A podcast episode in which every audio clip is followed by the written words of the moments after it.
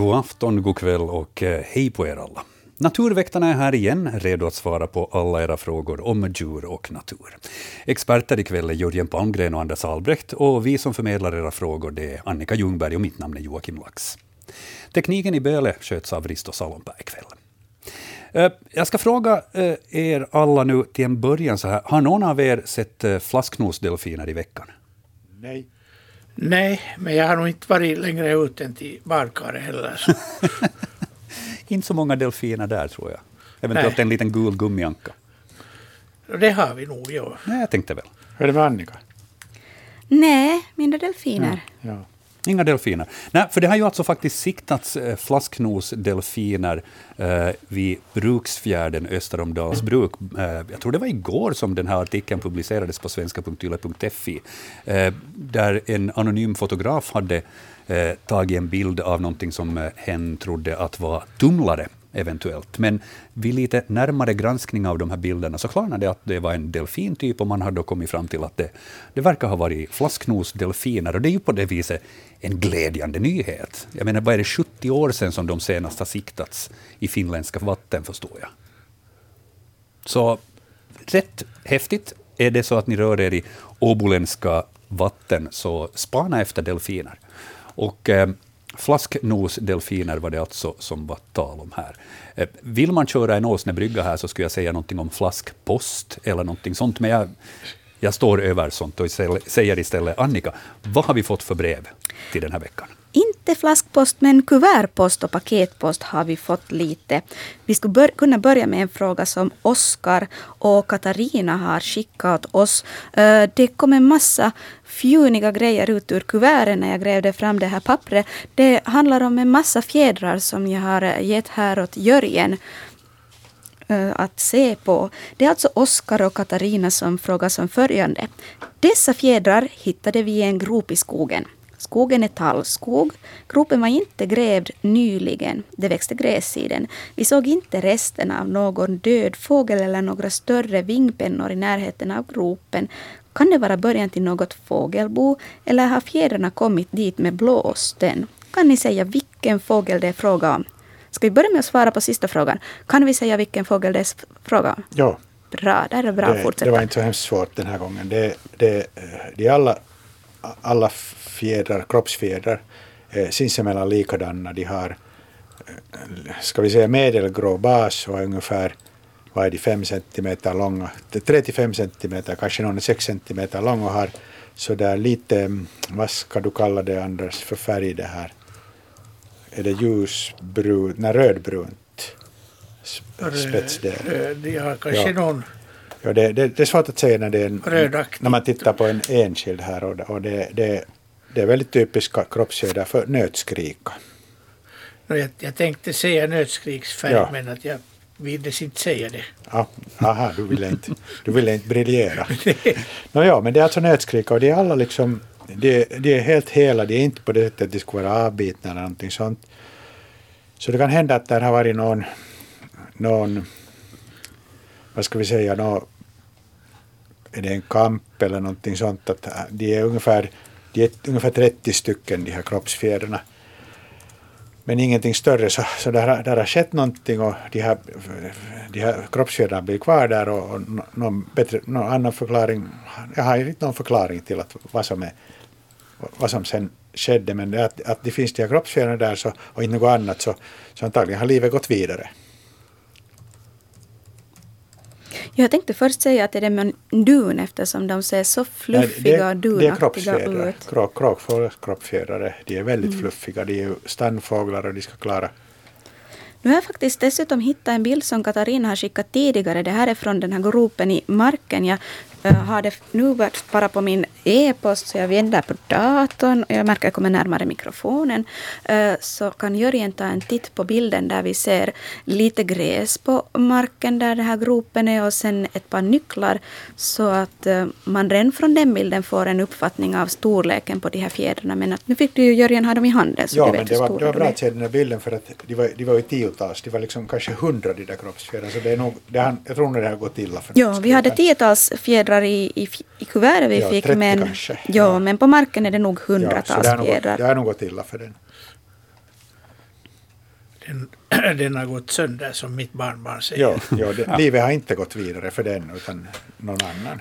I någon annan form ja. av matsäcksinnehåll. Ja, möjligen ja.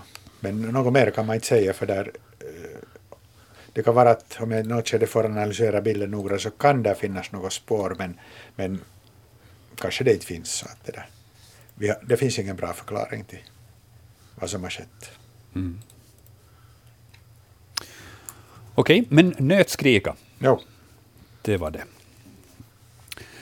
Eh, första frågan besvarad i Naturväktarna den här torsdagskvällen. Jag ska ta och tipsa nu om hur man kan höra av sig till våra experter ikväll.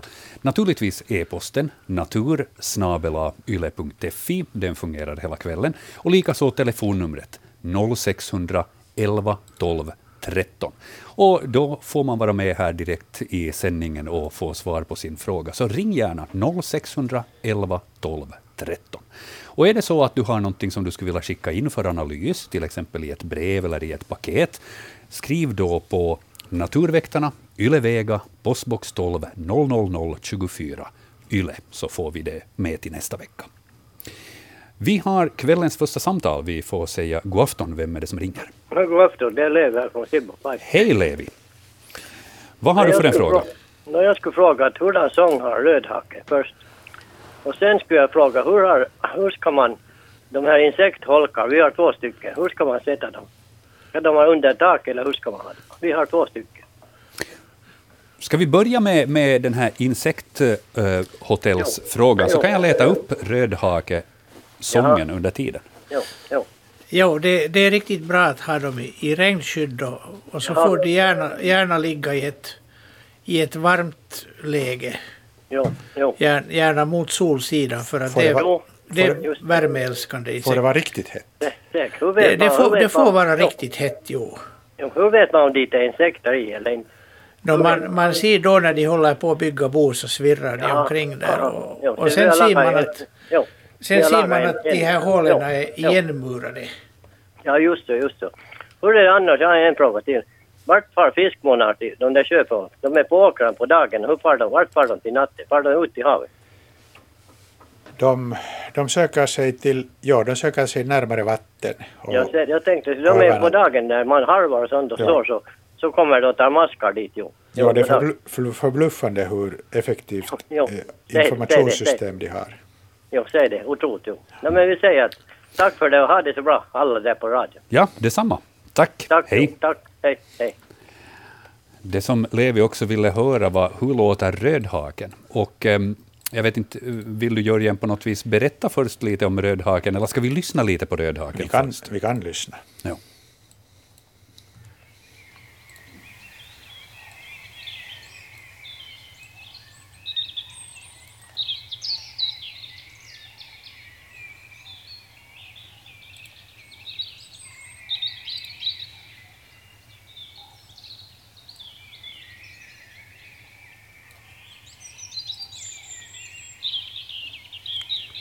Det står här att här är också trana och koltrast jo, någonstans stämmer, i bakgrunden. Stämmer.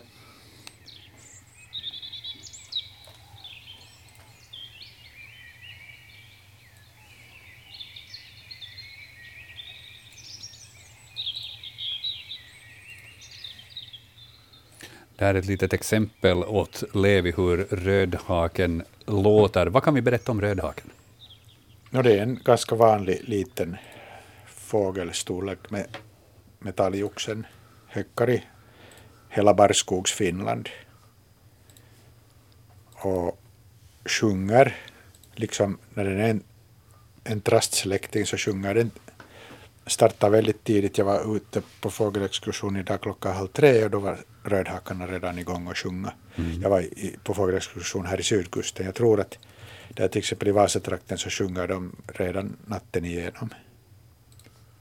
Det är nog mycket möjligt. Ja. ja. Du har inte varit ute? Nej, jag har inte varit inte natten igenom. Jag försöker sova emellanåt. och det där sången är ett sånt här, man kan kalla det ett pladdande, alltså den repeterar inte samma strof utan det är så här fritt, fritt strömmande toner, väldigt silverklara, klockrena och kommer väldigt mödolöst. Men det, jag, har, jag har svårt att hitta det riktigt, ska vi säga riktigt träffande ordet för att beskriva den där sången, men det där, det är nog man kan nog lära sig den ganska bra för att den är så vanlig och sjunger, sjunger praktiken varje kväll och morgon. Ja. Och just när den ofta sjunger ensam. Ja, också det. Så det underlättar när det inte är ja. tusen andra fåglar. Mm. Och nu hade vi ju då koltrast och trana som lite var där kanske och rodda. Ja. ja, men om där är sen en flock rödvingetrastar med eller någonting så överröstas den ganska. Stämmer. Mm. Men att nu, man lär sig nog att känna igen det här. Det är så klart det där ja, ljudet på något ja, det är det. porrlandet. Ja, por, just det där. Jaha. Det där porrlandet, jag kallar det mödolöst, men ja, porrlandet är det så. mödolöst är bra. Ja, ja. ja. Kommer som rinnande vatten. Ja, det, det. Vi är överens där. Hörni, vi ska ta ett till samtal i Naturväktarna då vi nu ändå har kommit igång. Vi säger eh, god afton. Vem är det som ringer? No, det här är Ulla från Degerö. Hej. Hej Ulla.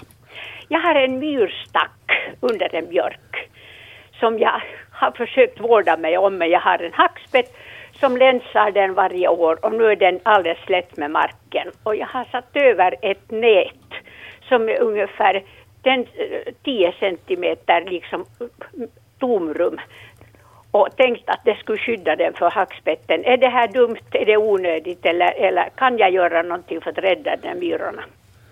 Jag tror det är en helt bra idé för att hackspetten, om den inte kommer åt dit att krypa under det där så Jo, det gör det inte. Så, så hindrar det nog. nog jag, jag vet själv det där hur de, hur de flera hackspettar och kanske främst spillkråkan ännu men större hackspetten och gråspetten är nog jo är nog hårda på myror också. Vi har lite samma problem hemma alltid. Aj vad fint, och låt det där nätet vara där och hoppas att, jag har bara sett någon enda myra där men kanske de vaknar till och, och märker att det där är för rädd, räddning för dem. Det, det, är nog ofta så att de, de karpar upp sig sen men det kan ju ta sin tid för en sån där förstörd stack lever upp igen. Precis. Mm. Tack ska ni ha för det här. Tack så mycket för samtalet. Tack. Tack, hej. hej. Det ligger ju på något vis i tiden att ha någon form av nätanslutning. Så det, ja. Nog skämtat om myrstackarna. Åh, ser du, där kom den till. Um, Nåja, vi, vi ska inte bara hålla på med ordvitsar, utan vi ska också fortsätta med våra frågor om djur och natur som har kommit in per e-posten. Annika, du har säkert en hel del som vi kan börja beta av. Jag har en hel del e-post men sen har jag fått ännu mera paket och brev och det är så roligt att få dem så jag ville ta dem här i början men då har jag det problemet att jag ska hinna få in bilder på bildbloggen. Men nu finns bilderna på fjädrarna vi talade om mm. tidigare och de här nästa frågans bilder att se på bildbloggen om man går in på svenska.yle.fi snedstreck natur så hittar man till vår bildblogg. Och där på andra bilden har jag fotograferat det som Rickard har skickat in åt oss i det senaste paketet ute. Han har sett växter till exempel i Östan och i Sjunde och undrar vad är det här för en växt? Men då jag öppnade det här paketet så blev jag överraskad för det var inte bara växter i paketet utan faktiskt också någonting levande. Det visade sig att det fanns flera små gröna larver i det här paketet som kom per post. Och då har jag försökt få med dem också på fotografi så ser man att det fanns olika stora små gröna larver. De större var kanske mm, en dryg centimeter, kanske en och en halv till och med, och de mindre var under en centimeter. Och nu har vi försökt få fast de här larverna ur, ur den här påsen jag hade med mig hit till studion och Anders har fått ta titt på den där större larven och på själva växten. Kan du säga åt Rickard, vad är det för en växt? Jo, no, växten är en hägg. Okej. Okay. Det doftar det, i varje fall sådär friskt. Den, den doftar bittermandel och det, det, det gäller ju många prunusarter. Men att häggen, häggen är alldeles speciell. Och, och de här bären är ju också de är mycket starkt cyanväte innehållande. Man blir, ju, man blir ju konstig i munnen om man äter häggbär. Ja, jag har fått lära mig att inte äta dem. Man ska inte äta dem, nej, men om man vill bli konstig i munnen så kan man göra det. Jag tror jag har blivit det en gång. Ja. Och det där. Men sen de här larverna, så det, det är frostmätare. Alltså det är, en, det är en fjäril som är mycket sent på hösten ute. Honan är nästan vinglös. Alltså, har sådana små fjäll bara istället för vingar.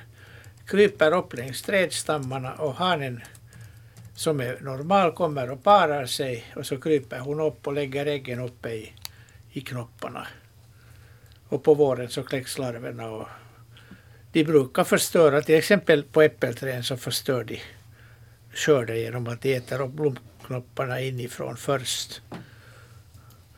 Att vill man skydda sig mot dem så ska man se till att äppelträdens grenspetsar är riktade neråt. Man ska klippa äpplet så att de grenarna böjer sig ner för att den här honan går inte neråt. När den kliver upp för att lägga ägg så går den uppåt.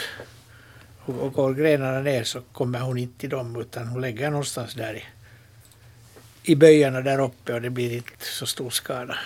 Så att en liten sån här slokande version av äppelträd är att föredra? Jo, utan vidare. Om man, om man har frostmätare.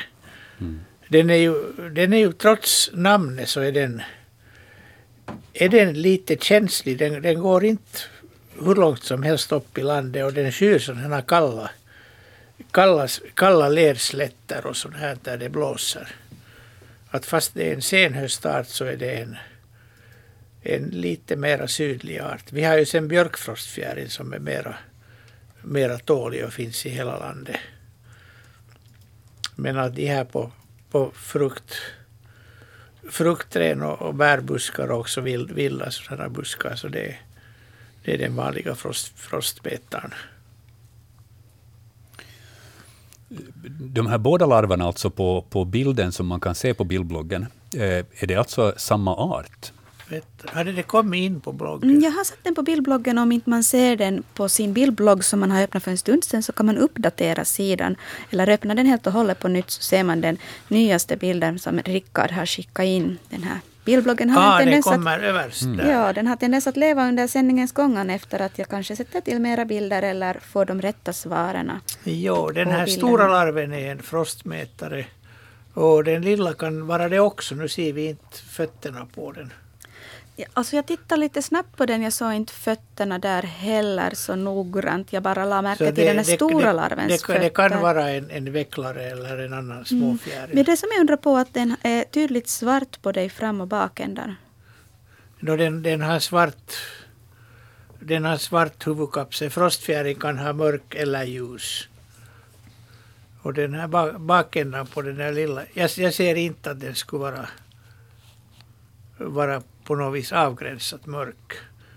Den har antagligen bara en, en klump på kommande där. Mm. I båda ändarna? Eller det andra Nej, är huvudkapseln? I det, andra är huvudkapseln. Jaha. Men det, det är faktiskt, det finns, om man frånser de här frostmätarna, så det finns ett stort antal tänkbara fjärilar som, som kan finnas där. Den, den kan vara en, en vecklare, den kan också vara en ung nattflylarv. Eller så då en ung frostmätare. Mm. Det har jag förstått, när de är smågröna de här larverna så kan det vara fråga om ganska många olika. Jo.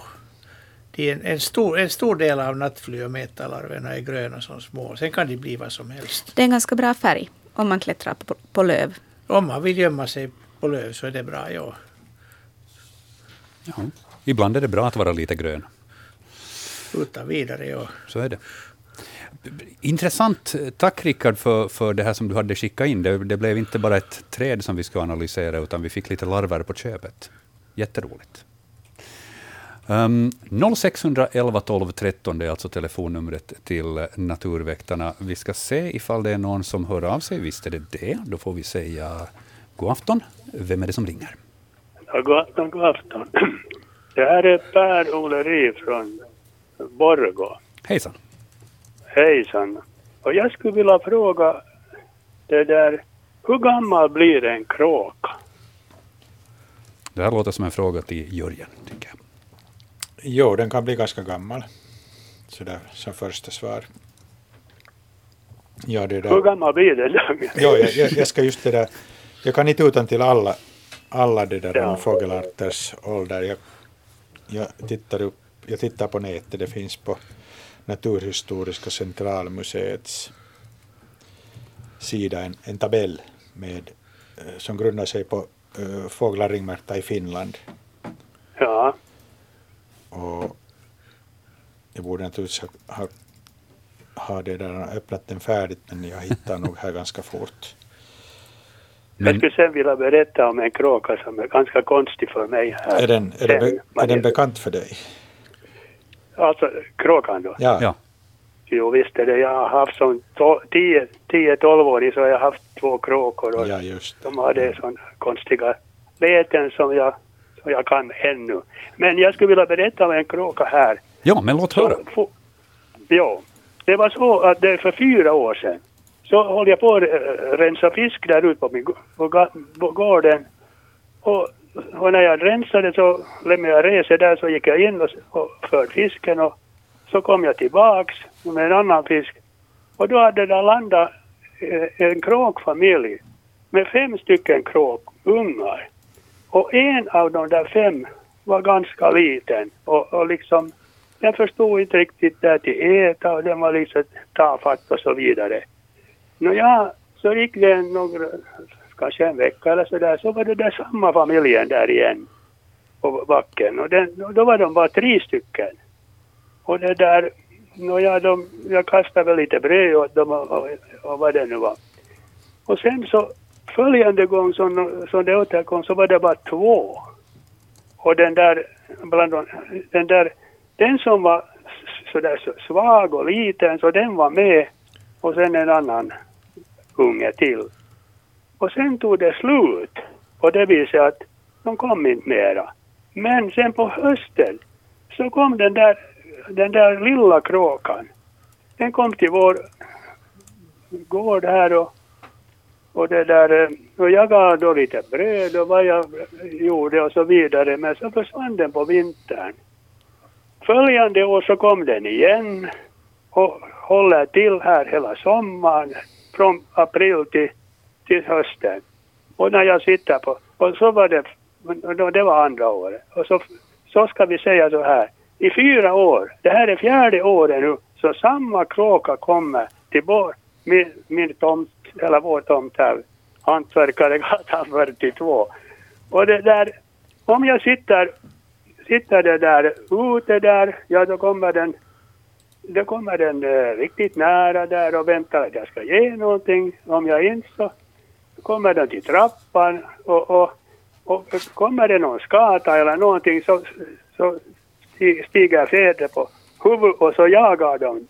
Det håller det liksom som ett egen revir det här. Och, och, och det där, eh, jag, jag brukar lite tala med dem för, på, den, på den där, med den där för att jag kommer ihåg vad, jag, vad den där den hette Petter då när jag var 10-12 år som hade sådana där konstiga läten och den, den tycks förstå vad jag säger. Tror jag. I alla fall så kommer den till mig, ganska nära mig alltid. Och i förra somras så kom den till vår backe med två, två bebisar, eller ja, de var ju redan flygkunniga.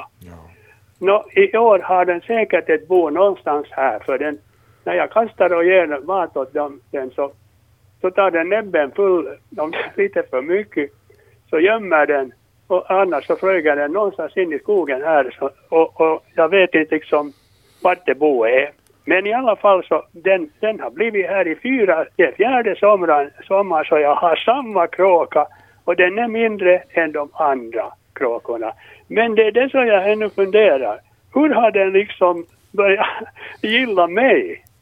varför, var, varför gillar den mig att, att, att det där så här många år nu, på vintern är den någonstans, men på sommaren är Ja. den här, här på Hantverkaregatan 42 där jag bor. Jo, det är Så kommer sannolikt, den hit Ja, det är och flyger bort. jo, det är sannolikt Och att, så fort, ja, att den flyttar till vintern. ja den flyttar väl en, del säkert, en del ja. av kråkorna är flyttfåglar och det är Ja. sannolikt att den här hör till de som flyttar. Det att den uppenbarar sig i april så pekar också lite på att det är en, det är en flyttande, en kråka som hör till den flyttande delen av populationen. Men att den kan bli så arg på, där det här är ett skatbo i en grannens gran. Ja, Och, och vad den är arg så att de närmar sig vår tomt här. Ja. Den flyger på dem och jagar dem. Samma, samma om det kommer någon annan kråka. ja det, det, kråkan är ju under häckningstid och nu är det häckningstid så Ja. är, är väldigt Men- starkt revirhävdande och, och, och ser väldigt noga till att inga främmande kråkor kommer Ja. för nära boet. Men hur kan en, en, en, vild, en vild fråga bli så här tam och, och, och liksom komma ihåg mig år efter år. Nå, kråkfåglarna är, är, är, anses ju väldigt eh, intelligenta bland de inte- intelligentaste Ja, visst, ja. fåglarna. Och, och Och nu undrar jag hur länge har jag en sån där kråkkamrat med? Därför frågar jag Ja. hur länge lever en ja, kråka? ja, nå, de äldsta i Finland som, som är noterade så är 17 år. 17 år? Ja, 17 år. Det finns flera som är 17 år så att det, det verkar vara så, no, då, då ska jag bli 13 år äldre. Jag är 81 nu. Just det. Jo. Det är bra att se fram emot. ja. En, en, Jo, jo. Och han kråka Nu har som kumpan. Nu var jag länge en vän då nu. Ja. Men det är ju, ja, det är ju inte säkert att den lever så länge men det, det, alltså, det är ju, Ja. det är ju det, det är maximum det här att det, det är Ja. rekorden. Att, jag skulle säga att sån där, en kråka som, som liksom börjar häcka så tio år är säkert sån där alldeles, en, en alldeles bra Ja, ålder för ja. en sån kråka. Ja. Och dessutom om Men den tänk- börjar komma med sina ungar också och hälsa på och sånt här, så du, är, du kommer ju att ha sällskap länge där. Det är möjligt. Ja. Det är så jag tänkte jag skulle måste bli 120 år tror jag för att det där, annars så, så, så, så, så har de ingen vän sen mer. Men då tycker jag vi siktar på det. Vad sa du? Då tycker jag vi siktar på det. Ja visst, gör så. Så brukar jag göra. Ja, helt rätt. Nå, ja, tack ska ni ha för ett bra program. Tack för Hej en intressant eh, fråga och historia, hördu. Ja, just ja. Ha det gott, Per-Ole. Ha det Jo, skönt. det har. Ja. Hej då bara. Hej. Ja, och kråkorna trivs där på Hantverkaregatan. Och det förstår jag ju. Jag menar om de först har kommit till serverat bord och, och får liksom lite pratsällskap och så här. Så, Ja. Och, och alltid kan lita på de människor som finns där. Det, det, är Ja. hemskt stor, det har hemskt stor betydelse. Vanligtvis så brukar väl folk inte vara så glada över att de har kråkor kanske runt huset nödvändigtvis. Jo, det varierar väldigt Mm. mycket. Ja, de, har, de har hittat en trevlig liten fristad där. Ja. Roligt att höra Per-Ole.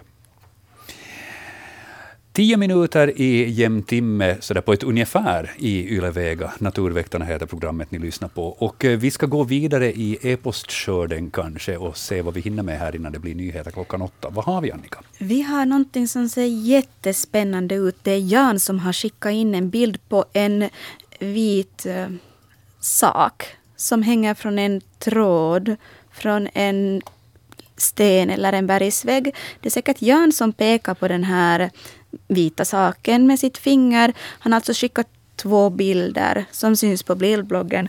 Och den här saken ser ut som, vad ska vi säga, nedre delen av ett timglas. Lite som en pyramidsockertopp eller en tomtemössa. Ett upp och nervänt vinglas. Där var det. Ett upp och nervänt vinglas. Där det här foten är en lite bredare del där det här vita fäster sig vid stenen. Och storleken är... Ja, Jan borde ha ett jättelitet lillfingernagel för att det ska vara lika stor som det här vinglasets vi, glasdel. Vad skulle ni gissa? Hur, hur lång är hela den här Jag tror, det, jag skapelsen? tror det är ett pekfinger det där. Ja, då skulle hela skapelsen vara max två centimeter. En, en och en halv, En och en en och en halv halv. två centimeter. Ja, så det där, den där glasdelen, den liksom största kroppen av den här grejen som kan innehålla någonting enligt vad jag nu skulle gissa, den skulle kunna ha något spännande i sig, så är den en dryg halv centimeter. Den är, ja, någonting knappt, kanske knappt det. Men det är jättesvårt att urskilja ur den här bilden något som helst detaljer på eller någon ytstruktur på det här vita. Men man ser att det som skulle vara vinglasets fot, det är inte en sån där platt del som man kan ställa på ett bord utan den breder ut sig mot klippan lite sådär kanske nätaktigt. Och så hänger den upp och ner så att man inte ska kunna hälla något vi- brännvin i den. Exakt. Ja, exakt. Ja. Men, men vad är det här? Jo, det är, en, det är en spindel som gör det här. Den, därför ser man inte den här strukturen riktigt, för den består av finfina trådar. Mm, det förklarar också att den är liksom vävd. Det var lite... Den är, den är vävd en sån här upp, upp och nervänd glasformad kokong och dit lägger honan sina ägg. Det är en spindel som heter skogslyktsspindel. Ja, Jag kan tänka mig varifrån namnet kommer. brunnea. Ja, och den är, den är helt nattaktiv. Att vill man se det här när den bygger det så ska man gå ut på med pannlampa på natten och då kan man sitta där och beundra. Det ser faktiskt roligt Du har ut. sett det- flera gånger. Jag har sett det många gånger. Ja, den, den, är, den är vanlig. Och, och när den spinner den här så det är ju kritvitt, det lyser ju, man ser den på långt håll. Men det hörs ingenting. det hörs ingenting. Nej. Och så spinner den, den, den sitter sen när den beklär den med, med trådar så sitter den där under. Håller med alla åtta benen i kanten och så snurrar den runt. Och, och drar, drar tråd runt varv på varv på varv. Hur fort gör den ett sån här bo? Man kan det, det tar, ett bo? det tar en timme, två. Ja, ganska fort. Det går kvickt, ja. Jo, och sen, sen lägger den äggen där inne. Och det där, och då tycker man att nu skulle vara nöjd, den har en snygg grej som den har gjort. Så går den och hämtar fuktig lera Mhm. och murar in alltihop. Mhm. Så att den, den här vackra strukturen försvinner. Det är klart att den, den, den skulle ju synas, den skulle Ja, genast falla Ja, offer annars. ja, så, just den, så att när de här är äldre, den, den följande dag så då är de täckta med, med lera. Och ser inte alls lika aptitliga ut. Har den alltså blivit avbruten på något vis i sitt arbete här? Eh, Den har nog blivit avbruten, ja. ja den, den ska, på dagen ska den inte mera se ut så här. Den, om, om den, den, hinner, den hinner göra allt nog för en. Det startar medan det är mörkt och den hinner Den, den håller på Hinner natten, mura in natten igenom. i ja. lera. Ja, innan dagen gryr. det, det är meningen, ja. ja. Det är ju livsfarligt annars Mm. för äggen. Och, Hur många ägg lägger den i den här upp och nedvända skålen? Är det hundratals? jag har aldrig räknat med det. Ja. Det är nog hundratals. Ja, Ja, det, är, det är nog många. Den påminner ganska mycket om en vargspindel till utseende. Hur är det till storlek då, alltså jämfört med till exempel nu den här kallade äggförpackningen i brist på bättre ord? Nå, när, när den sitter nere under den här och griper om med alla ben så, så sticker kroppen nog lite utanför den här kanten på, på glaset. Mm. Ja, det, det, är en ro, det är en rolig spindel och den, är- den är faktiskt mycket vanligare än man, än man skulle tro. Att det är bara när den är ute, ute i mörkret. Ja. Skogslyktspindel. Så den hette. Ja. Ja. Fint. Jan fick svar på sin fråga. Hörni, ska vi pröva på att hinna med ett samtal ännu före eh, nyheterna? Det är någon som ringer, så vi säger god afton. Vem är det som hör av sig? Det är jag, Grabbe. God dag. God dag, god dag. Jag har skickat in en fråga som gäller en bild som också fanns eh, på er senaste sändnings bildblogg. Och nu märker jag att ni inte alls behandlar sådana. Det blev två av de här bilderna mm, som fanns på senaste veckans bildblogg som blev obehandlade. Och nu märker jag att ni uppenbarligen inte alls har tänkt svara på min fråga. Eh, kan du påminna mig vad frågan handlar om, så vet jag vilken bild som det kanske Det gäller? handlar om, det var en bild av, av det där, det fanns några styvmorsvioler och sen en mycket liten Veronica. Jo, jag har det här, ditt post, jag hittade det och sen i förra veckans bildblogg, om man går fram till bildbloggssidan så är det den sista bilden på bildbloggen som vi faktiskt inte hann med. Och det är faktiskt bra att vi har Anders med här Ja. för att titta på den här bilden. Okej, nå, men jag väntar då, jag, jag stänger min telefon och Eh, fortsätter Du kan, lyssna du på kan radion. s- fortsätta, sitt kvar bara så Nu tar får vi en titt på nu den får nu. du sitta och prata också. ja, Anders, följdfrågor. har du hittat Anders bilden? Jag hittade bilden, ja. ja. Den här lilla Veronikan heter Vår Veronica.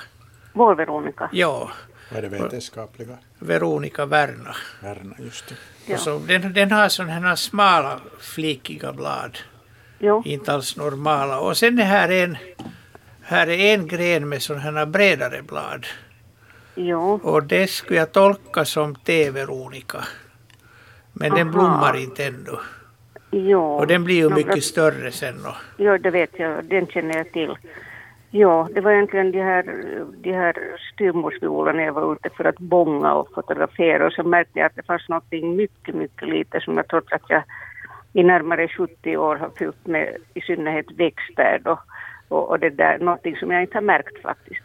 ja, ja Men- den, den hör till de här vår, vårblommande på torra ställen tillsammans med vårälskling och de här små Ja, just de det, ute de på, på det där, den här i Brunnsparken på de här klipporna som vetter Ja. mot, mot Stora Rempan. Precis, Utmärkt, men typiskt jag är ställe. mycket nöjd. Fint. Tack så mycket. Tack så mycket för Tack, samtalet. Hej. Tack, hej. Tack, hej. Ja, hon fick svar på sin fråga, det var ju bra. Eh, vi återgår till, till den här veckans bildblogg och fortsätter att följa den här i, i följande timme i Naturväktarna.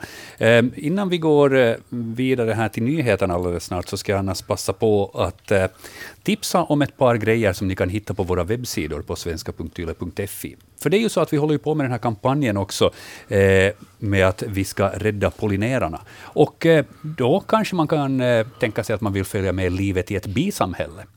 Det kan man göra. Det har publicerats en artikel om det här på svenska.yle.fi, eh, där man kan följa livet i en bikupa hela sommaren. Eh, och eh, där kan man försöka se ifall man hittar drottningen och, och lite så här följa med i livet och det man får se från olika bildvinklar när de håller på att arbeta där. Så där är ett litet tips. Och gå gärna in också och gör en quiz om pollinerare. Det här hittar du också på svenska.yle.fi natur. Där borde du hitta mer av de här eh, artiklarna och eh, testerna. Eh, här förra veckan så publicerades det också ett eh, test om eh, blommor eh, som man kan hitta eh, både i trädgården och lite utanför. Eh, det är också ett litet tips för saker man kan göra då man håller på med social distansering eller någonting sånt och behöver någonting nytt att surfa på. Eh, Naturväktarna, vi håller på en dryg timme till på den här kanalen i Ylevega. Och eh, ifall det är så att ni har någon fråga som ni vill skicka in, gör det då på natursnabelayle.fi. Det är postadressen ni ska använda. Och eh, är det så att ni vill skicka brev eller paket, eller vykort för den delen, så skicka in dem på Naturväktarna, Ylevega, postbox 12 00024 Yle. Och eh, är det så att ni skickar med någonting som eh, eventuellt kan vara väldigt smått och eventuellt kan börja krypa ut därifrån också, försök försegla det där kuvertet så att de hålls kvar där, så får vi riktigt se vad det är. Eh, det här är bara som några tips ifall det är så att ni vill skicka in, till exempel som Rickard hade gjort här, då det kom en kvist som också hade lite larver med. Man vet aldrig vart de där små rackarna springer iväg under posttransporten.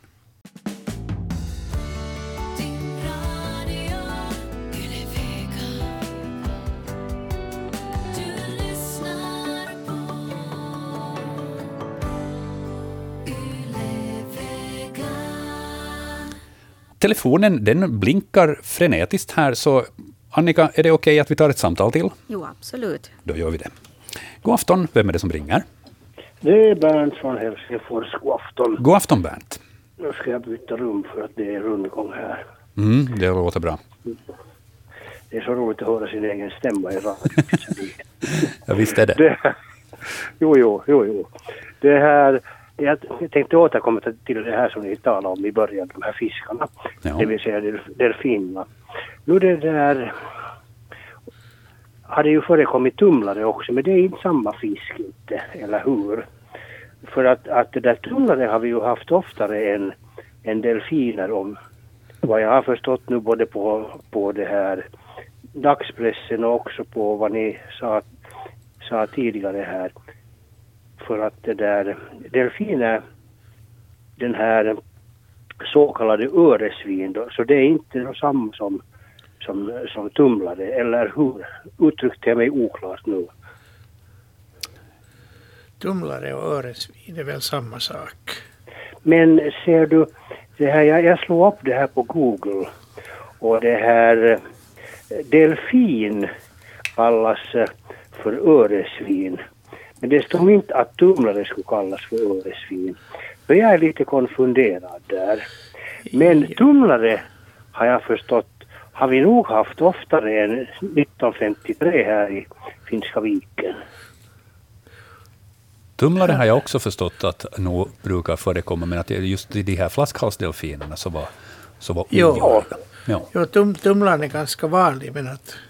Jo, jag tittar här också, de säger öresvin. Jag har nämligen en, en bok som, som heter Havets djur eller någonting sånt. Ja, Och där heter tumlaren öresvin right. i den boken.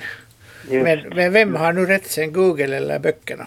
Ja, säg det, säg det. Jag skulle säga att båda har rätt för jag kan tänka mig att öresvin är ett sånt namn man har börjat använda då innan man hade så noga koll vad, vad Ja. exakt det är. När det var en, en spännande grö, grå rygg som syntes ovanför, vattenytan så, så var det ett öresvin. Sen har det använts marsvin också. Jo, jo, jo, jo. Det, det är lite annat det. Och det- det- annat. Det, det, det är ju marsvin och marsvin är helt olika saker. Man skulle Ja, var- göra barnen ganska missnöjda ifall man skulle komma hem med en tumlare istället.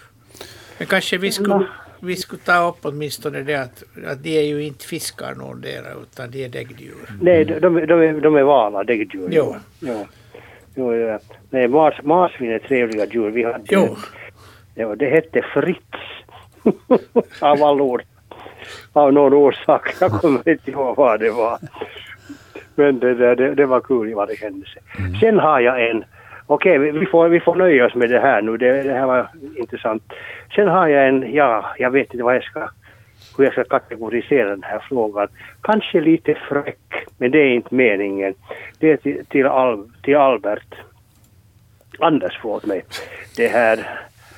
ehm, du nämnde här för en par program sedan att du hade smakat på dagmaskar. Ja. Och då slog det mig att hur är det nu med grodrom? Har du smakat på sånt också? Eh, nej, det har jag inte gjort. Det, Ja, det var det är- jag tänkte. det är inte tillåtet. Det är fridlysta. Jaha, Det okej. Jo, jo, nu har nog druckit hembränt också. Det är inte tillåtet heller, men det är en annan femma inte idag. Ja, men, det, men det är inte fridlyst. Nej. Nej, nej, nej, nej, nej. Okej, bra, då vet jag det. det förlåt nu bara. Jag, jag, jag fick liksom roligt när jag tänkte på det. Jag tyckte det var en fullständigt berättigad fråga. Jo, jag, jag kunde Ja. bra ha gjort det. Hör du, Ja. tack Bernt för ditt samtal. Okej, okej, okej. Nåja, ha det bra. Tack för det. Ha det Detsamma. bra. Ha en Hej skön kväll. Tack, hej. Hej, hej. Ja, jag tycker med, med tanke på vad vi diskuterade, Anders, det- då när du hade tal om att du smakar på dagmask och sånt, så då förstod jag att i princip så kan man ju pröva på det mesta och se hur det smakar. Det kan, det kan man göra, ja. för, på det viset, fullständigt berättigad fråga tycker jag, Bernt. Jo, Men grodrom, det ska man alltså inte gå äta. det ska man inte och inte, inte fågelägg och Ja. annat än hönsägg som man köper. Jag tycker det är en bättre idé att ringa in och fråga Anders, har du smakat på det här och är det en bra idé innan man börjar smaka själv? För sen finns det ju de som man inte ska sätta i munnen, till exempel om det är i svampväg. Jag anar en helt ny programserie på den här kanalen.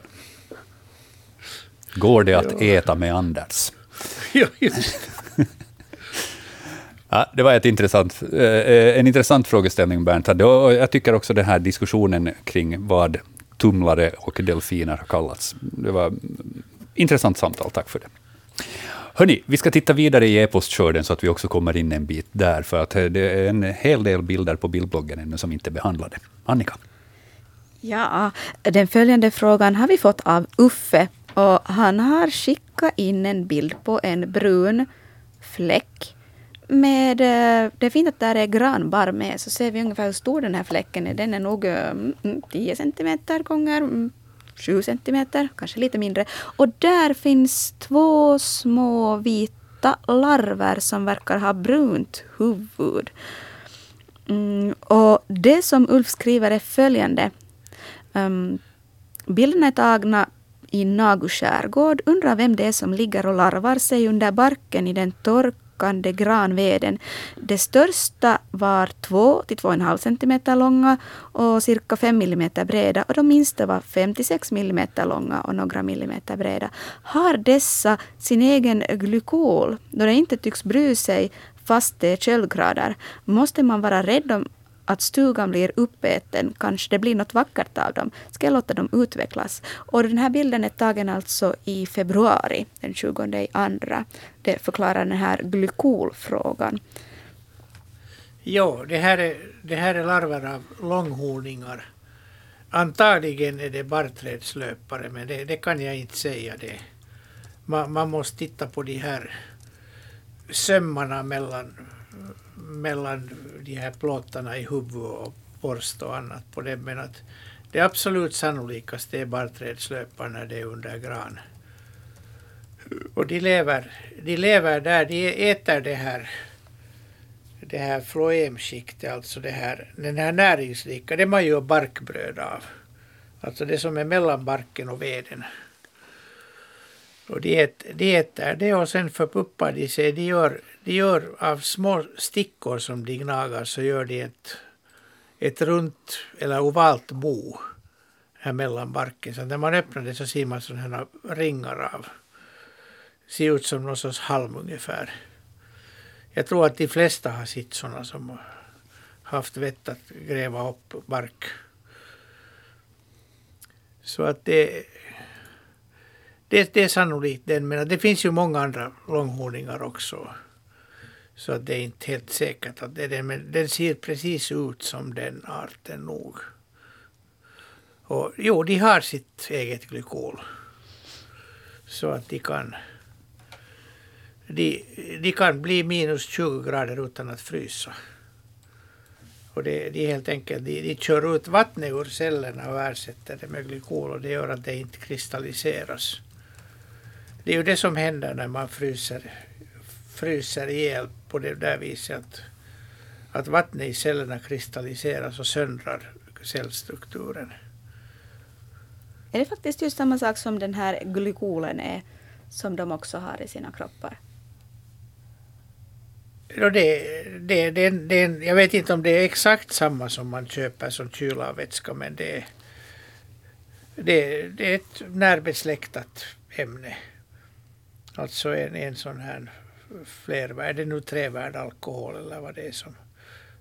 Glycerol är ju också en, mm. en som fungerar, fungerar på samma sätt. Och jag vet inte exakt vilket, vilket ämne de här har men det är ju väldigt, väldigt vanligt bland djuren. Och, speciellt då ryggradslösa djur som, som har det. Så de kan, de kan sitta uppe på, på grenarna i minus 40 graders kyla utan att frysa. Och tar, tar man då in dem så vaknar de omedelbart.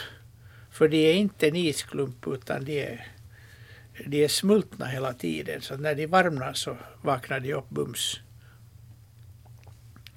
Och det gör ju också, därför, därför kan man mitt i vintern se spindlar spinna nät. Mm. Han eh, undrar ju också ifall det här då var någonting som, som kunde påverka stugans vara eller icke vara. Att borde han vara orolig? Nej, som sagt, de, de äter bara det här, mm. det här floemskiktet mellan, mellan barken och veden. Och, och de är inte, normalt så brukar de här inte gå i i torrt virke. Att blåjon är ju en art som går i torrt virke. Och den, den brukar finnas i hus så länge det finns obarkat virke kvar där inte barken har lossat. Och förr byggde man ju ofta så att man, man till, till tak, takbrädor använde halvbarkade brädor. Och de, de husen hade sen 20-30 år blåjon som som man hittade inomhus. tyvärr är det ganska sällan man ser dem inomhus numera. Mm. Det var en till följdfråga här också som Uffe hade skickat. Ska han låta dem utvecklas? Eh, då, då, då, borde han föra tillbaka dem för att de, de ska ha den här rätta fuktigheten där mellan, mellan barken.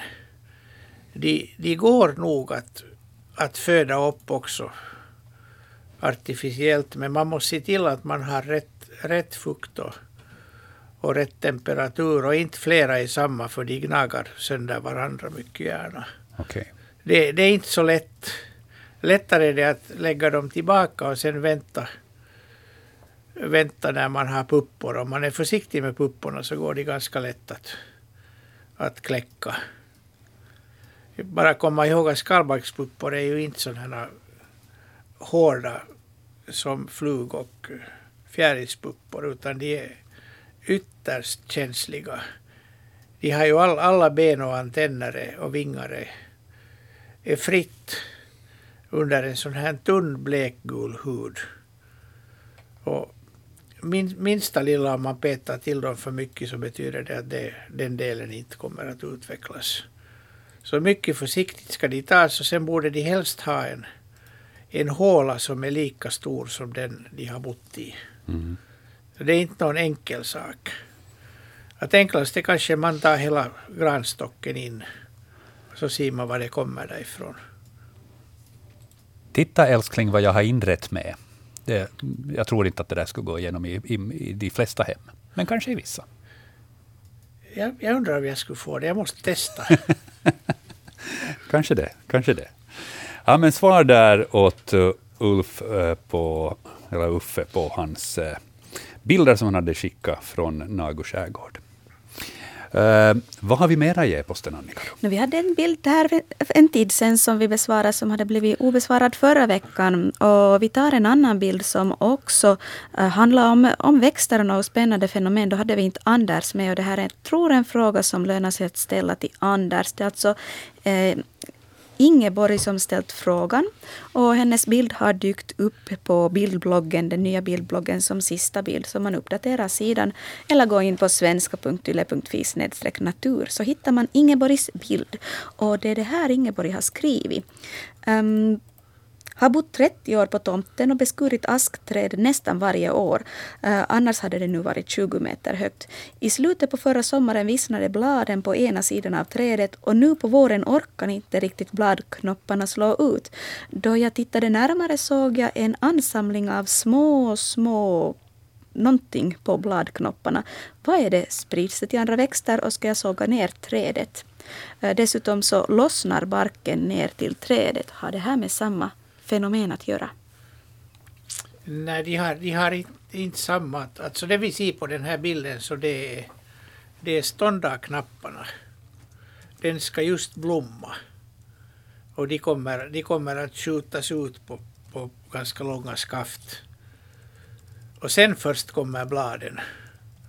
Så att det, det ser helt bra ut det här. Om man förstorar upp den här bilden så ser man att de här ståndarknapparna, de är ju sådär lite tvådelade, lite som kaffebönor. Men mindre. Så det, det, är, det är inget problem det där, men om, om, om masken mår illa så det kan ju bero på något annat. Att det ser vi ju på den här andra bilden där, att den har, den har en gammal skada vid, vid basen. Som delvis har läkts men att man ser att där är röta i i basen. Och det kan leda till, till, till att den, någon, någon gren, någon del av den får för lite vatten och, och torkar. Så att, och sen är här ju en hund också, men jag tror inte den har något med saken att göra. Den ser lite skyldig ut, men jag tror inte... Den kanske har varit och markerat sitt revir där vid asken. Det har den antagligen gjort, men det borde den inte dö av. Nej. Men, men alltså, kan det finnas skäl för att, att, att följa med trädet och helt enkelt eventuellt vara tvungen att ta ner det innan det kommer ner av sig själv lite okontrollerat? det, det gäller ju alla träd mm. som man har på gården. Men utgående från den här bilden, alltså det, det ser Nej, ut som att... inte, inte ser jag något att ännu oroa sig Nej. för. Men jag skulle nog följa med. Mm. Det beror ju på hur det ligger till också, att hur, hur nära huset och verandan och för att inte tala om bilen. Precis. Ja, svar där åt uh, Ingeborg. Och de här utskotten här, det, det ska vara så där. Det ska vara så, ja. Det, ja. det är början till blomma. Det, man kan säga att det, det är blomknoppar som håller på att slå ut. Mm. 20 minuter efter jämtimme i Ylevega och det är Naturväktarna som ni lyssnar på. Programmet dit man kan ringa in och ställa frågor av våra experter Anders och Jörgen ikväll. Um, är det någonting du undrar om kring djur och natur, använd då telefonnumret 0611 12 13. Vi ska ge det några sekunder, för det brukar ofta vara på det viset att så fort jag säger telefonnumret så är det någon som rusar iväg till telefonen och ringer. Och visst är det så. Då säger vi God afton. Vem är det som hör av sig? Hallå? Ja, hallå? Är det jag som är i, Det är du nu. i sändning? Ja. Okej, jag heter Gun Andersson och jag bor, på, bor här i Pargas på ett egnahemsområde på Hallonstigen. Och jag har på gården har jag sådana äh, gråa skifferplattor Och mellan dem så växer det mossa. Och här för två veckor sedan en grå mulen dag, det hade regnat, så hoppade kring här och picka i de där eh, mossan. En liten, liten, liten fågel. Jag tror den var bara en par centimeter lång. Ja. Som en liten grå eh, sån här ullboll. Och den hade lite gult på ryggen. ja. Eller rygg, ryggen var gul på den. Ja, vad låter det som Jörgen? Låter inte som en fågel. Jag tror att det var en insekt. Inte vet jag vad det skulle vara för en insekt heller. Det var, var det någon vecka sedan? Det är en par veckor sedan, Ja. ja. Två sätt att att gå och picka där. Den pickade mellan, i de här eh, mossan här Och, mellan, eh, mellan de här stenarna. Och den var gick riktigt... den? Hurdana fötter hade den? Såg man någonting? No, jag såg inte, för den var så liten och det var så mörkt. Eller det var så skuggigt och, och eh, gråmulen dag. Men den var nog riktigt så liten. Jag, jag, kommer jag har aldrig sett en så liten fågel. jag kommer inte på någon insekt som det skulle kunna vara. Ja. Nej, den var nog... den- Jag såg inte så bra hur stjärten var, men... men Om, om det du där- jämför med en, en blåmes så var den mycket mindre än den. Jo, mycket mindre. Den var någon centimeter bara, tycker jag, i, i liksom själva kroppen. Mm. Och den hade gult, gult på ryggen, det var det som jag märkte. Men annars eh, blev den nästan, försvann den nästan mot de där gråa stenarna. Mm. Det här hoppandet, var det, var det liksom ett skutt och så stannade den upp, eller var det någon form av kontinuerlig rörelse? Eller? Nej, den... Jag vet inte om den hoppade eller den liksom gick mellan... Gick och picka. Som en fågel annars pickar. Ja. Men lite för liten nog för fågel. Den är Mycket för hem, liten. hemskt, hemskt mycket mindre än vår minsta fågel. Ja. Och jag kan inte... Alltså det... Jag såg inte hur den hade... Eh, om den var något... Lite, lite liksom kanske mörkare på huvudet kanske men... Men det där... Det såg jag tydligt att den hade gult på ryggen. Eller gulaktigt. Det var det som jag märkte den.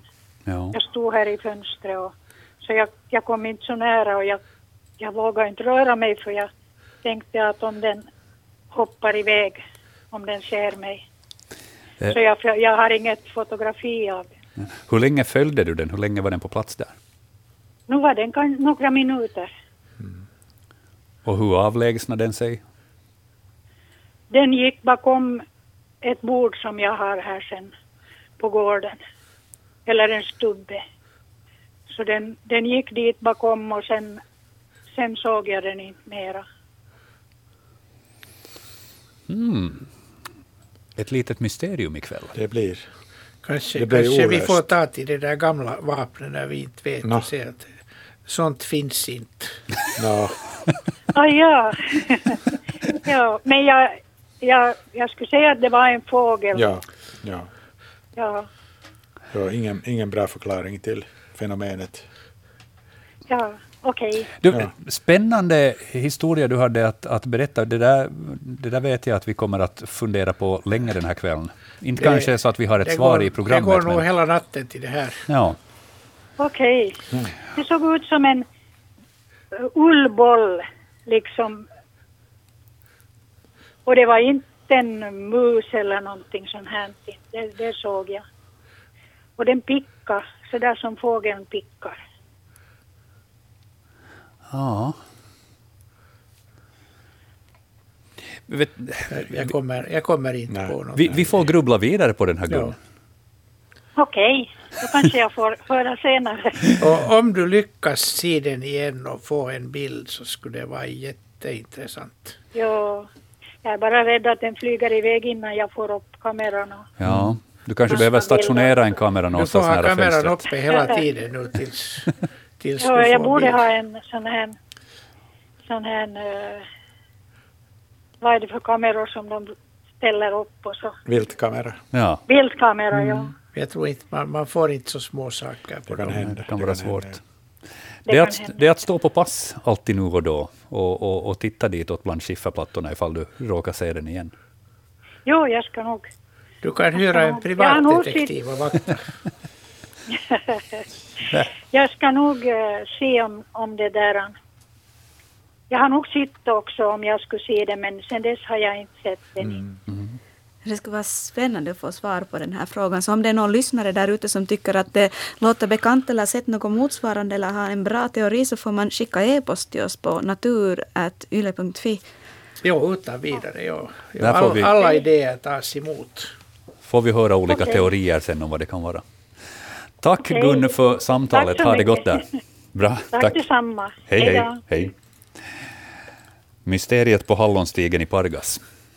Vi har ingen aning om vad det där kan vara, men vi får försöka följa med i e-posten ifall det kommer teorier och eh, så kan vi försöka bena ut vad det, vad det skulle eventuellt kunna vara. Så får vi hoppas att Gun också lyckas fotografera den här lilla krabaten med gult på ryggen. Jag, jag tänkte först att, att kan det vara någon form av humla, vet du, eller någonting No, det här. tänkte jag Det också, tänkte men jag det, också, det, ja. Mm. det stämmer inte med de här pickningarna. Och, Nej. och det här, det, det, det fungerar inte. Nej. Det, det får lämnas som ett mysterium. Vi, vi, vi, vi låter den gro där någonstans i bakhuvudet. Vi tittar vidare i e-posten istället, Annika. Ja, näst på tur har vi eh, äh, någonting som simmar och någonting som sitter på en sten. Det är Seija Jakobstad som har fotograferat de här. Eh, nu ska vi se var jag hittar min bild. Nu jag tar det här till pappret. Eh, på den första bilden simmar ett djur som Seija funderar på. Kan det vara en mink, undrar hon. Fågeln som finns på den andra bilden är vi lite osäkra på. Hoppas ni hittar svar på frågorna trots att bilderna inte blev så tydliga. Nu om vi tar upp bildbloggen så kommer vi att se uh, att det, de bilderna som det är fråga om så, så det är sån här uh, vattensamling och man kan just och just se någonting mörkt med kanske ett huvud och en rygg som simmar i vattnet. Ska vi börja med, med att kan det vara en mink? Det ser mest ut som en mink. Ja. Ja. Man, ser, man ser verkligen huvud och, och, och en del av och kroppen och sen ser man, tycker man själv är en smal svans. Mm, kan det vara någonting annat än mink Nå, också? Den smala svansen så tycker jag nog pekar så väldigt starkt mot mink att jag riktigt bombsäker så är jag kanske inte men ändå det är, det är mitt, bäst, det låter, låter mitt, bäst, mitt bästa förslag. Det låter nog rätt. Den ser, den ser liksom liten ut. Ganska liten ut och, och mörk. Jo, det är inte, det någon havsutter eller, Eller utter, vanlig eller, utter. eller säl eller Ja, nej. valross eller någonting. Ja. Och sättet att ligga i vattnet så är Ja. typiskt för mink. Ja. Mm. Den andra bilden som Seija har skickat in, så där ser man tydligare att det är en fågel med ganska lång näbb och Ja. ganska långa ben, så det Ja. kan vara någon form av vadare. Och den står på en sten vid vattnet. Och den är ganska sån där gråbrun till färgen. Eller medelbrun skulle jag säga på ja, ovansidan. alltså brun men, men inte en sån där chokladbrun utan gråaktig medel. Ja, näbben är rak och lika lång som huvudet. Ja, ja, det hade jag faktiskt kunnat Och- säga om näbben. Och sen ser man att den eh, har ett ljust streck som börjar där vid näsroten och går över Ja, öga och ännu bak mot gässan. Ögonbrynsträck. Ja, ögonbrynsträck. Så ser man att benen, de är inte långa utan de är korta. Mm, de, är, ja, de är inte så långa som en, en vadare skulle ha haft. Och den har faktiskt inte en så lång näbb som en vadare normalt skulle ha haft. Så, den liksom, Ja, det, eller det är en, en vadare. så det är en vadare. Ja, va- vadarna varierar ju väldigt mycket men här, man ser allt, allt här så att man kan bestämma den till en drillsnäppa. Den har ganska korta ben som är sådär, vad ska vi säga, inte de svarta och inte de ljusa men någonting där mittemellan. Och, och näbbens längd och, och sen den här ögonbrynsträcket och sen medelbruna fjäderräkten. Så. Jocke, har vi dens läte? Ja. Rinnsnäppa låter som om man skulle borde få Vi höra har, hur vi den har den låter. alldeles snart. Jag har hittat den alldeles just här nu. Eh, så Och väldigt typiskt, den, den tycker om sådana här steniga stränder och sitter på stenarna. Och, Så säger jag har fått sina svar, men får jag mitt läte? här kommer det.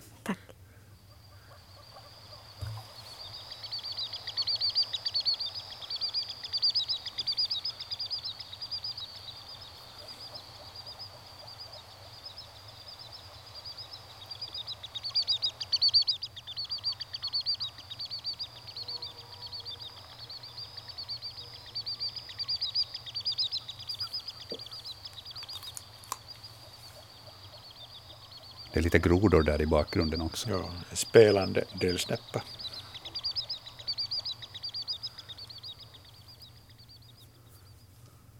Alltså det här är en snutt som jag skulle kunna spela på kvällen när jag inte får sömn. Mm. Sätta fönstret öppet och tänka mig att jag bor nära något vatten. Ja, eller så stiger man upp och slår en drill. Det kan man också. Du menar att då har du något att skylla på varför du inte får sömn? Exakt. Drillsnäppa. Ja, drillsnäppa. En av våra vanligaste vadare. Den, jag, jag tycker mycket om den. Den är så trevlig och hemtam. Och den hör till helt Ja, enkelt. beteende, den, när den sitter så där på stenen så den sitter och vickar på hela kroppen. Är det ett rytmiskt vickande eller ett lite nervöst vickande? Både och. Jag, jag tycker den, den verkar nog lite, lite nervös och det här gjorde jag också lite. Kanske. Lite, lite nervöst. Men den kanske är lite nervös.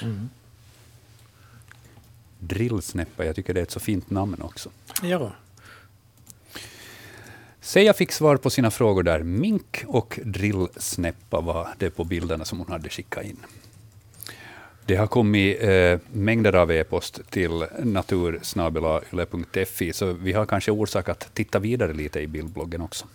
Ja, alltså jag måste må börja nu med det här som vi har fått så många frågor in. Det här orangea på enar. Vi har tre bilder på bildbloggen och jag vill minnas att det borde finnas någon till där i e-postlådan men jag, jag hann inte hitta den bilden. Men, men alla ni som har sett någonting konstigt på enar. Orangea utskott, sådana fingeraktiga Eh, utskott som finns i ansamlingar runt enarnas grenar. Nu ska ni lystra till och annars också om ni tycker att det här låter jättespännande så ska ni höra vad är det här? Uh, Aika och Micke beskriver att uh, det är något som har angripit enbuskar i Centralparken i Helsingfors. Och de har hittat en formation som är cirka 10 centimeter långt. Anja har skickat in en bild och hon frågar dessutom om det här skadar trädet. Uh, och mm, Torbjörn har också sett det här fenomenet i Nagu. Så det finns runt om på olika håll. Ja, det, det, det är vanligare i sydväst det här fenomenet. Ja, och det, det, och det, det, det som det liknar. Som färs, de här är lite gamlare än att börja torka men det liknar den här gelésvampen gullhorn. Som många känner till som när jag var liten så kallades den fingersvamp. Ah, Men den har ingenting med det att göra. okej. Och det här är svamp men det är inte gelésvamp utan det är en rostsvamp. mm. Och vi har två, två arter rostsvamp som gör sån här på en. Och det är, det är hornrosten som är på rönn. Den gör såna små orangea fläckar på rönnbladen och så blir det sån här en kupa med några sådana här horn som kommer upp, kanske 2-3 millimeter långa horn. Och sen hagtornsrosten som gör motsvarande på hagtorn. Och de här gelégrejerna på en, så de, de kan man inte skilja utan mikroskop. Att det, det sägs att den ena är lite längre och den andra kortare, men det verkar inte riktigt stämma. De gör lite skada på enen. Det blir ett sånt här R efter det här. Ett sånt här sjukt ställe. Lite, lite som en kräftsvulst eller någonting. Och, och det är förstås synd för enen men att eh, vi har en mycket spännande bladlus som heter Kinaras volandie som som helst lever på de här ställena där den här svampen har varit och vuxit. Så att den här bladlusen bildar stora kolonier här. Och den är, den är mycket sällsynt. Den är bara hittad några gånger i, i Finland. Ett av ställena är faktiskt Nagu. Kan den här ärrorna orsaka så mycket skada på enen att den på riktigt börjar lida i framtiden eller är det bara främst kosmetiskt? Då jag skulle säga att när en en lider så då är det kosmetiskt. Att det, de, de, kan, de kan lida men jag, jag tycker att enerna brukar överleva det här. Att det, det är just det kan torka någon gren där och kanske lite ovanför och, och så blir det det här är inte så vackert. Det är så där bark, barken blir aldrig hel mera och, och så där men det, det är nog kosmetiskt. Hur stort kan de här, eh, de här rostsvamparna bli? Alltså hur, hur, stort område på en en kan de täcka? För att nu har vi då tre bilder att jämföra med och ett par av dem verkar vara ganska små till sin utbredning, medan den här bilden som Anja i Esbo har tagit, så nu, jag menar kameraperspektiv och sånt så kan ju, kan ju lura ögat lite, men det ser ut som att det skulle vara avsevärt mera på den bilden. Och det ser också ut som det skulle vara liksom på ett tjockare parti av, Ja. av enen. Ja. Ja, och det, har- det har ju att göra förstås med enens storlek också. Ja. Stort angrepp. Men jag skulle säga att det normala är mellan, mellan 5 och 10 centimeter är det där vanliga, vanliga måttet. Jag har inte mycket erfarenhet. Jag har inte hittat många gånger de här under mitt liv. Jag tycker att alltså den här bilden som Anja har skickat då från Esbo, så där, där är det avsevärt mer än 10-15 centimeter. Skulle mitt öga säga. Det kan vara, nå 10 är det nog åtminstone. Mm. Ja, ni hade inte skickat in någon, någon måttbeskrivning på hur stort Det, det är här väldigt svårt därför att enen kan vara från en centimeter till 7-8 centimeter tjock. Mm. Jag tycker oftast är de i sådana här en, en till en och en halv centimeter tjocka Just delar av delar av enen. Är det tunnare- normala? tunnare Ja. Men det här verkar vara en lite tjockare en, för att Ja. där är ju någon form av galler en liten bit bakom trädet, som eventuellt skulle kunna ge någon fingervisning. Och där igen, perspektiv lurar ögat naturligtvis. Och så här. där, där, där, är, där är perspektivet nog för att det här Mm. gallret jag tycker det ser ut som ett sånt här hjortgaller. Mm. Att det här är nog det är antagligen fotat med en telefon med vidvinkel. Ja. Så att man, man kan inte säga någonting. någonting. Det, det kunde vara det kunde vara ett höghus bakom också där. ja, i princip. Sant. Rostsvamp, det är vad vi kan säga att det där kallas. För det är som sagt, det är många som har undrat.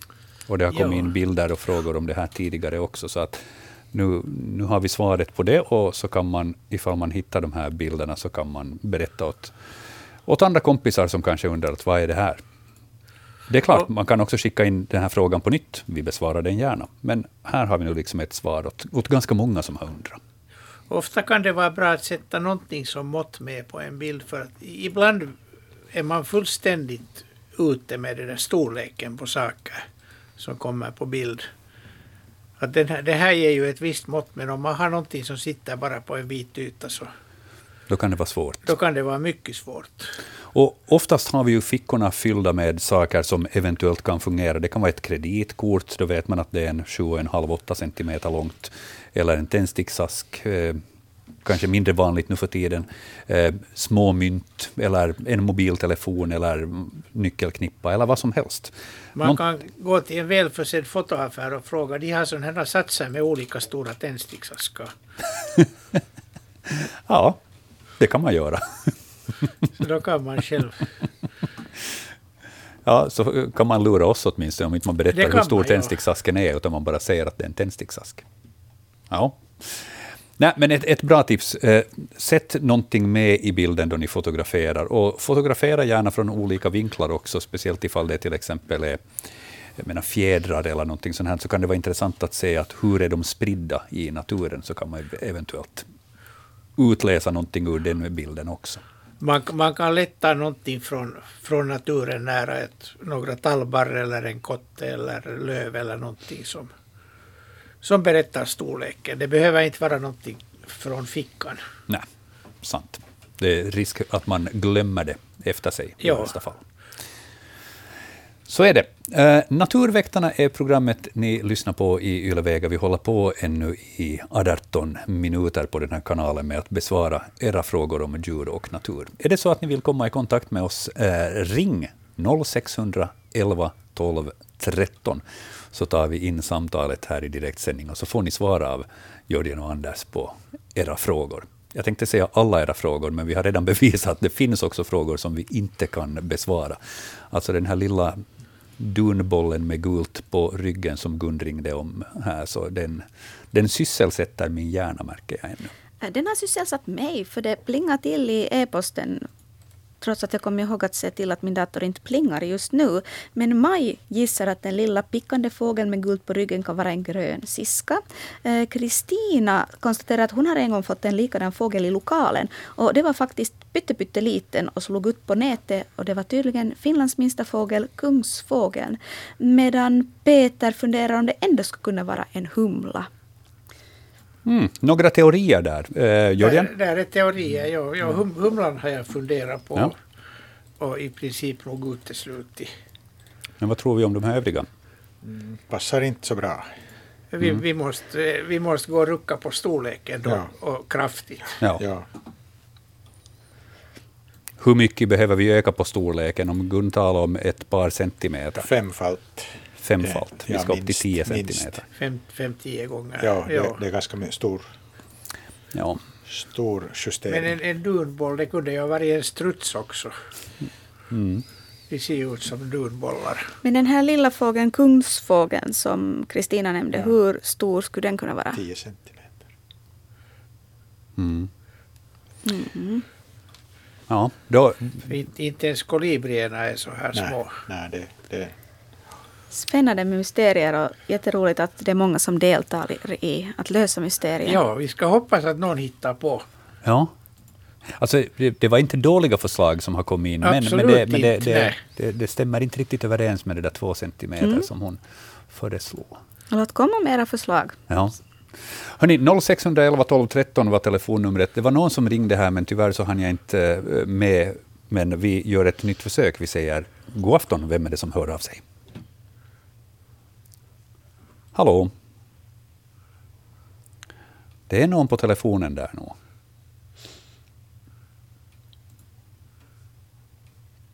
Ja, det verkar inte ha gått fram. Då säger vi att eh, försök gärna på nytt. Det var eventuellt något mankemang på den linjen, men vi säger här, god afton. Vem är det som ringer? Jo, ja, jag hade jag. Ja, Mm. det är ja, Kristina Sylvin här från Källstrand och jag håller nog mm, be, beroende på, alltså på basen av hennes beskrivning så håller jag på kungsfågel. Men jag menar när man ser den så tror man att den är, alltså två centimeter tror jag att var ganska lite taget i underkant men, men den här gula som hon sa ryggen men den har ju den här gula gässan. Mm. Så jag skulle nog hålla väldigt mycket på kungsfågel i alla fall. Kan man tänka sig eventuellt att just i och med att det var på något vis en lite sådär grådaskig dag och det var lite skifferplattor runt omkring och sånt, att, att det just lurar kanske ögat lite med hur stort Det lurar objektet ögat. är. Om det var en typisk en liten fågel som picka och hoppa omkring så den enda jag kan tänka på med den gula nacken så är ju kungsfågel faktiskt. Och Det är ju någonting som Gun skulle kunna, Gun, du lyssnar säkert nu, att du kan titta nästa gång du ser en sån här dunboll. Hur stor är den? Försöka jämföra eh, med någonting som du ser bredvid den och, och återkomma när du har, uh, fast du inte Jag, skulle få en jag, bild jag, jag, av den. jag, skulle, jag skulle rekommendera att, att eh, den här personen som ringde upp eh, kollar med en fågel, eh, en, en, en, en, fågelguide och, det, och, och ser om det skulle motsvara den här, det som hon såg. Mm. För jag har sett kungsfåglarna, de är ju hemskt små alltså jämfört med vanliga fåglar. Så den är ju så, just en liten dunboll med, med, med sån här gul nacke. Så det här, jag tror att, att hon har kanske misstagit sig på, på storleken. Det, det kan man göra. Jag har många gånger misstagit mig. Normalt Ja, har jag misstagit mig åt andra hållet, att jag har sett det som någonting mycket större än det är. Men just, Ja. just inom, inom sånt här dimmigt eller disigt eller lite skumt väder så jag, jag har ofta Ja. sett saker som någonting mycket större än de är. Att jag har riktigt Absolut, fått, ja. fått, fått kalla kårar i ryggen när jag sitter en svart panter och, och sånt här.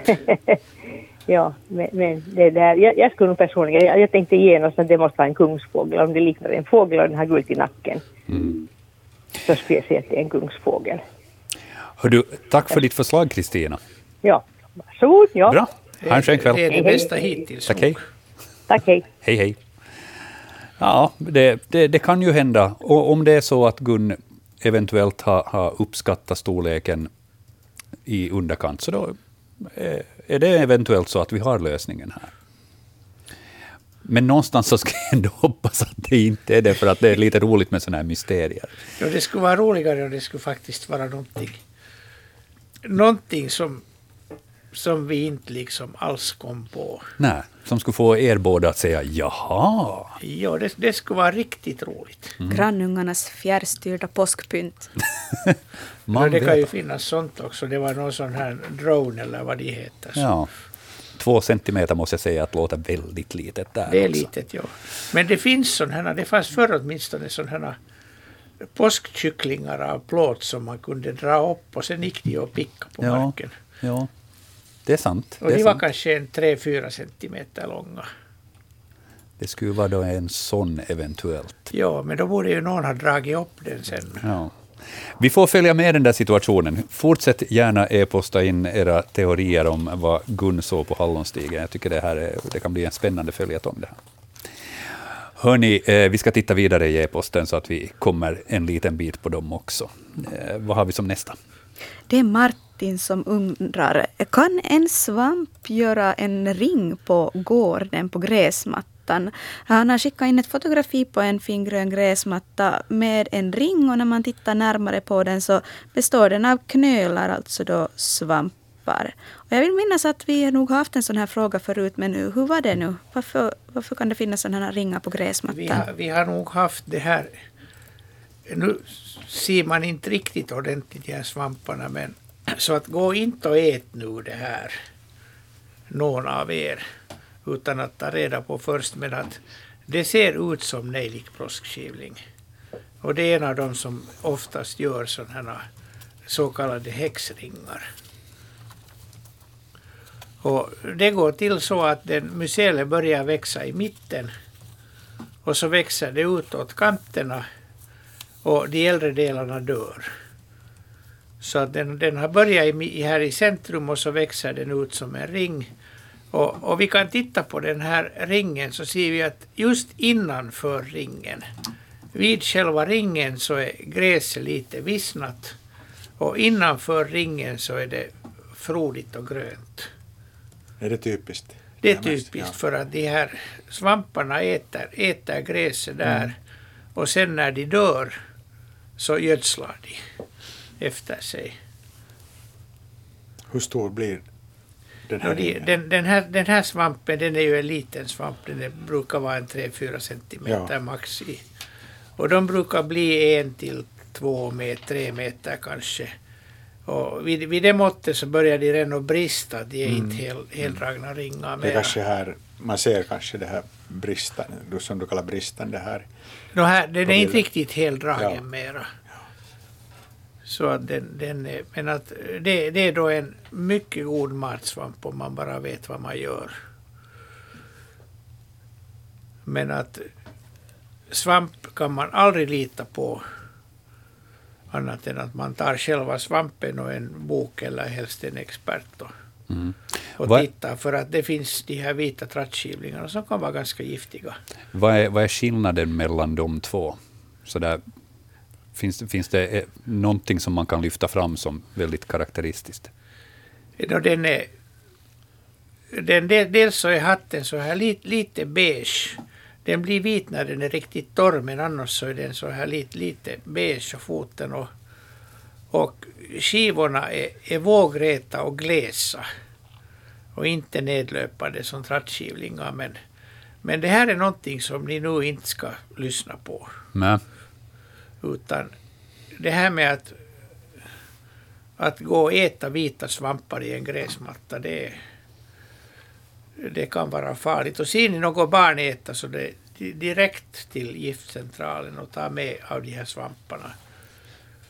Också om ni misstänker att det inte är någon farlig. För säkerhets skull, låt dem vara helt enkelt. Låt den vara. Ni kan ringa till mig så kan jag komma och plocka.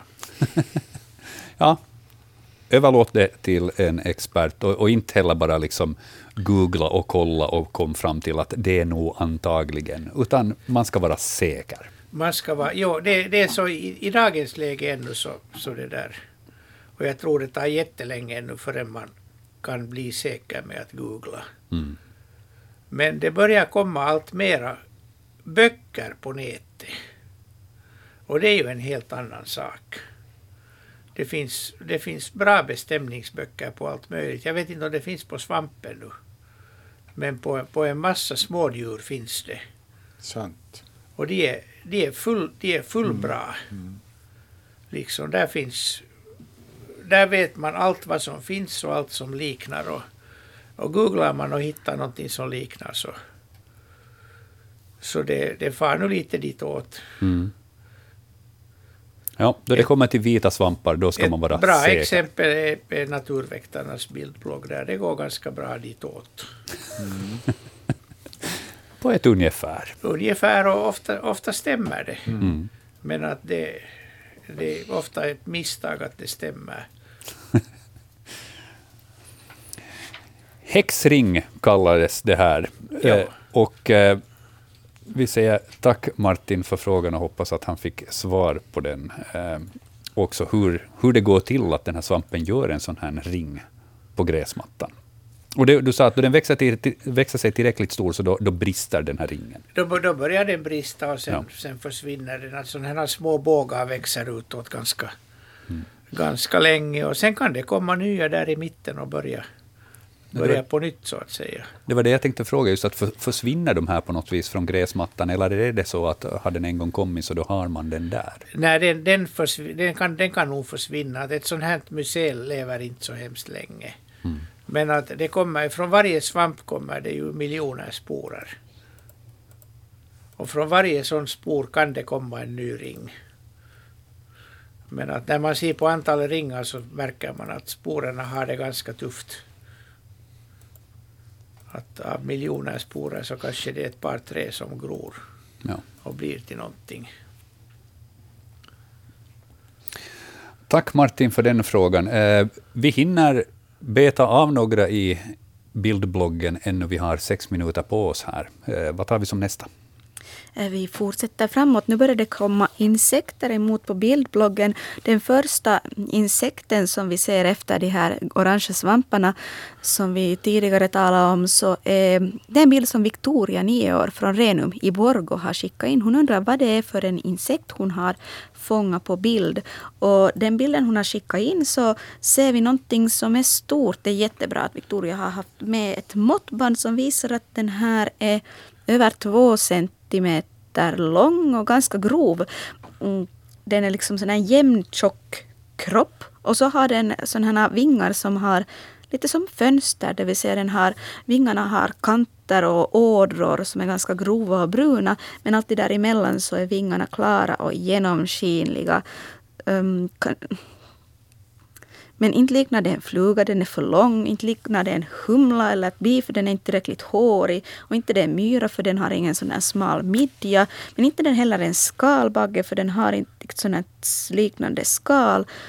Den är mest svart och, och på framryggen har den gul fläck. Och där mot höftdelen, om jag skulle kunna kalla det, så har den ett brunt band. Men sen har den övrigt svart däremellan. Hej, hej, hej! Nu, nu såg jag någonting som, som det där jag kommer ihåg att, att vi har tittat på förr. Den har horn med klubbor i ändarna. Det har det ju, antenner. Som är gula. An, ja, de är gula eller orangea i ändarna, de här antennerna. Jag tror Ja. att det var någonting viktigt att titta Det, på. det är viktigt, ja. Ja, vi kan av det som du räknar upp så. det som inte stämmer var att du sa att den är för stor för en fluga. Det finns flugor i den här kalibern. Ja, det är sant. Men annars var det bra. Bra, men alltså det, det, det som är det mest avgörande så det är det att den har, den har två par genomskinliga vingar, alltså inte fjällbeklädda och inte sådana hårda skalbaggsvingar. Och det vi nu inte ser här är att den har bitande mundelar, den har riktigt sådana kraftiga, ordentliga käkar och det, det är typiskt för steklarna. Men steklarna brukar vara smala. De brukar ha en stekelmidja. No, vi, har, vi har väl har vi en fem eller sex tusen arter steklar i Finland. Okej, då och är de, det de minsta är en, en halv millimeter långa, smala och de största är ännu betydligt större än den här. Och där finns alla former och färger. Så att man kan inte säga att en stekel ser ut som, som lika. En stekel ser ut som olika. Och det här är en klubbhornstekel. Vi ser att den har ingen, ingen getingmidja. Ingen midja. Och, och då kommer vi till, till gruppen växtsteklar. De har ingen midja. All, alla andra steklar har en midja. Och av dem med de här klubborna så är det fråga om klubbhornsteklar. En familj med 10-15-tal arter ungefär. Och, och den här gula fläcken den, den är faktiskt inte på framryggen, den är bakom bakryggen. Vid basen av bakkroppen och det, det Ja, egent- allt det här stora från gula bakåt är bakkropp. Jo. Mhm. Och det här gula är egentligen inte en gul fläck utan det är ett, det är ett hål i pansaret. Så att det är inälvorna som syns där. Eller de här integumenterna. Så att det, det är på det viset inte en gul fläck. Och sen ser vi att den här kroppen är i proportion ganska spänslig och tunn. Så att det är en hane. En hona skulle ha en ordentlig bullig sån här nästan ägg, äggformad bakkropp.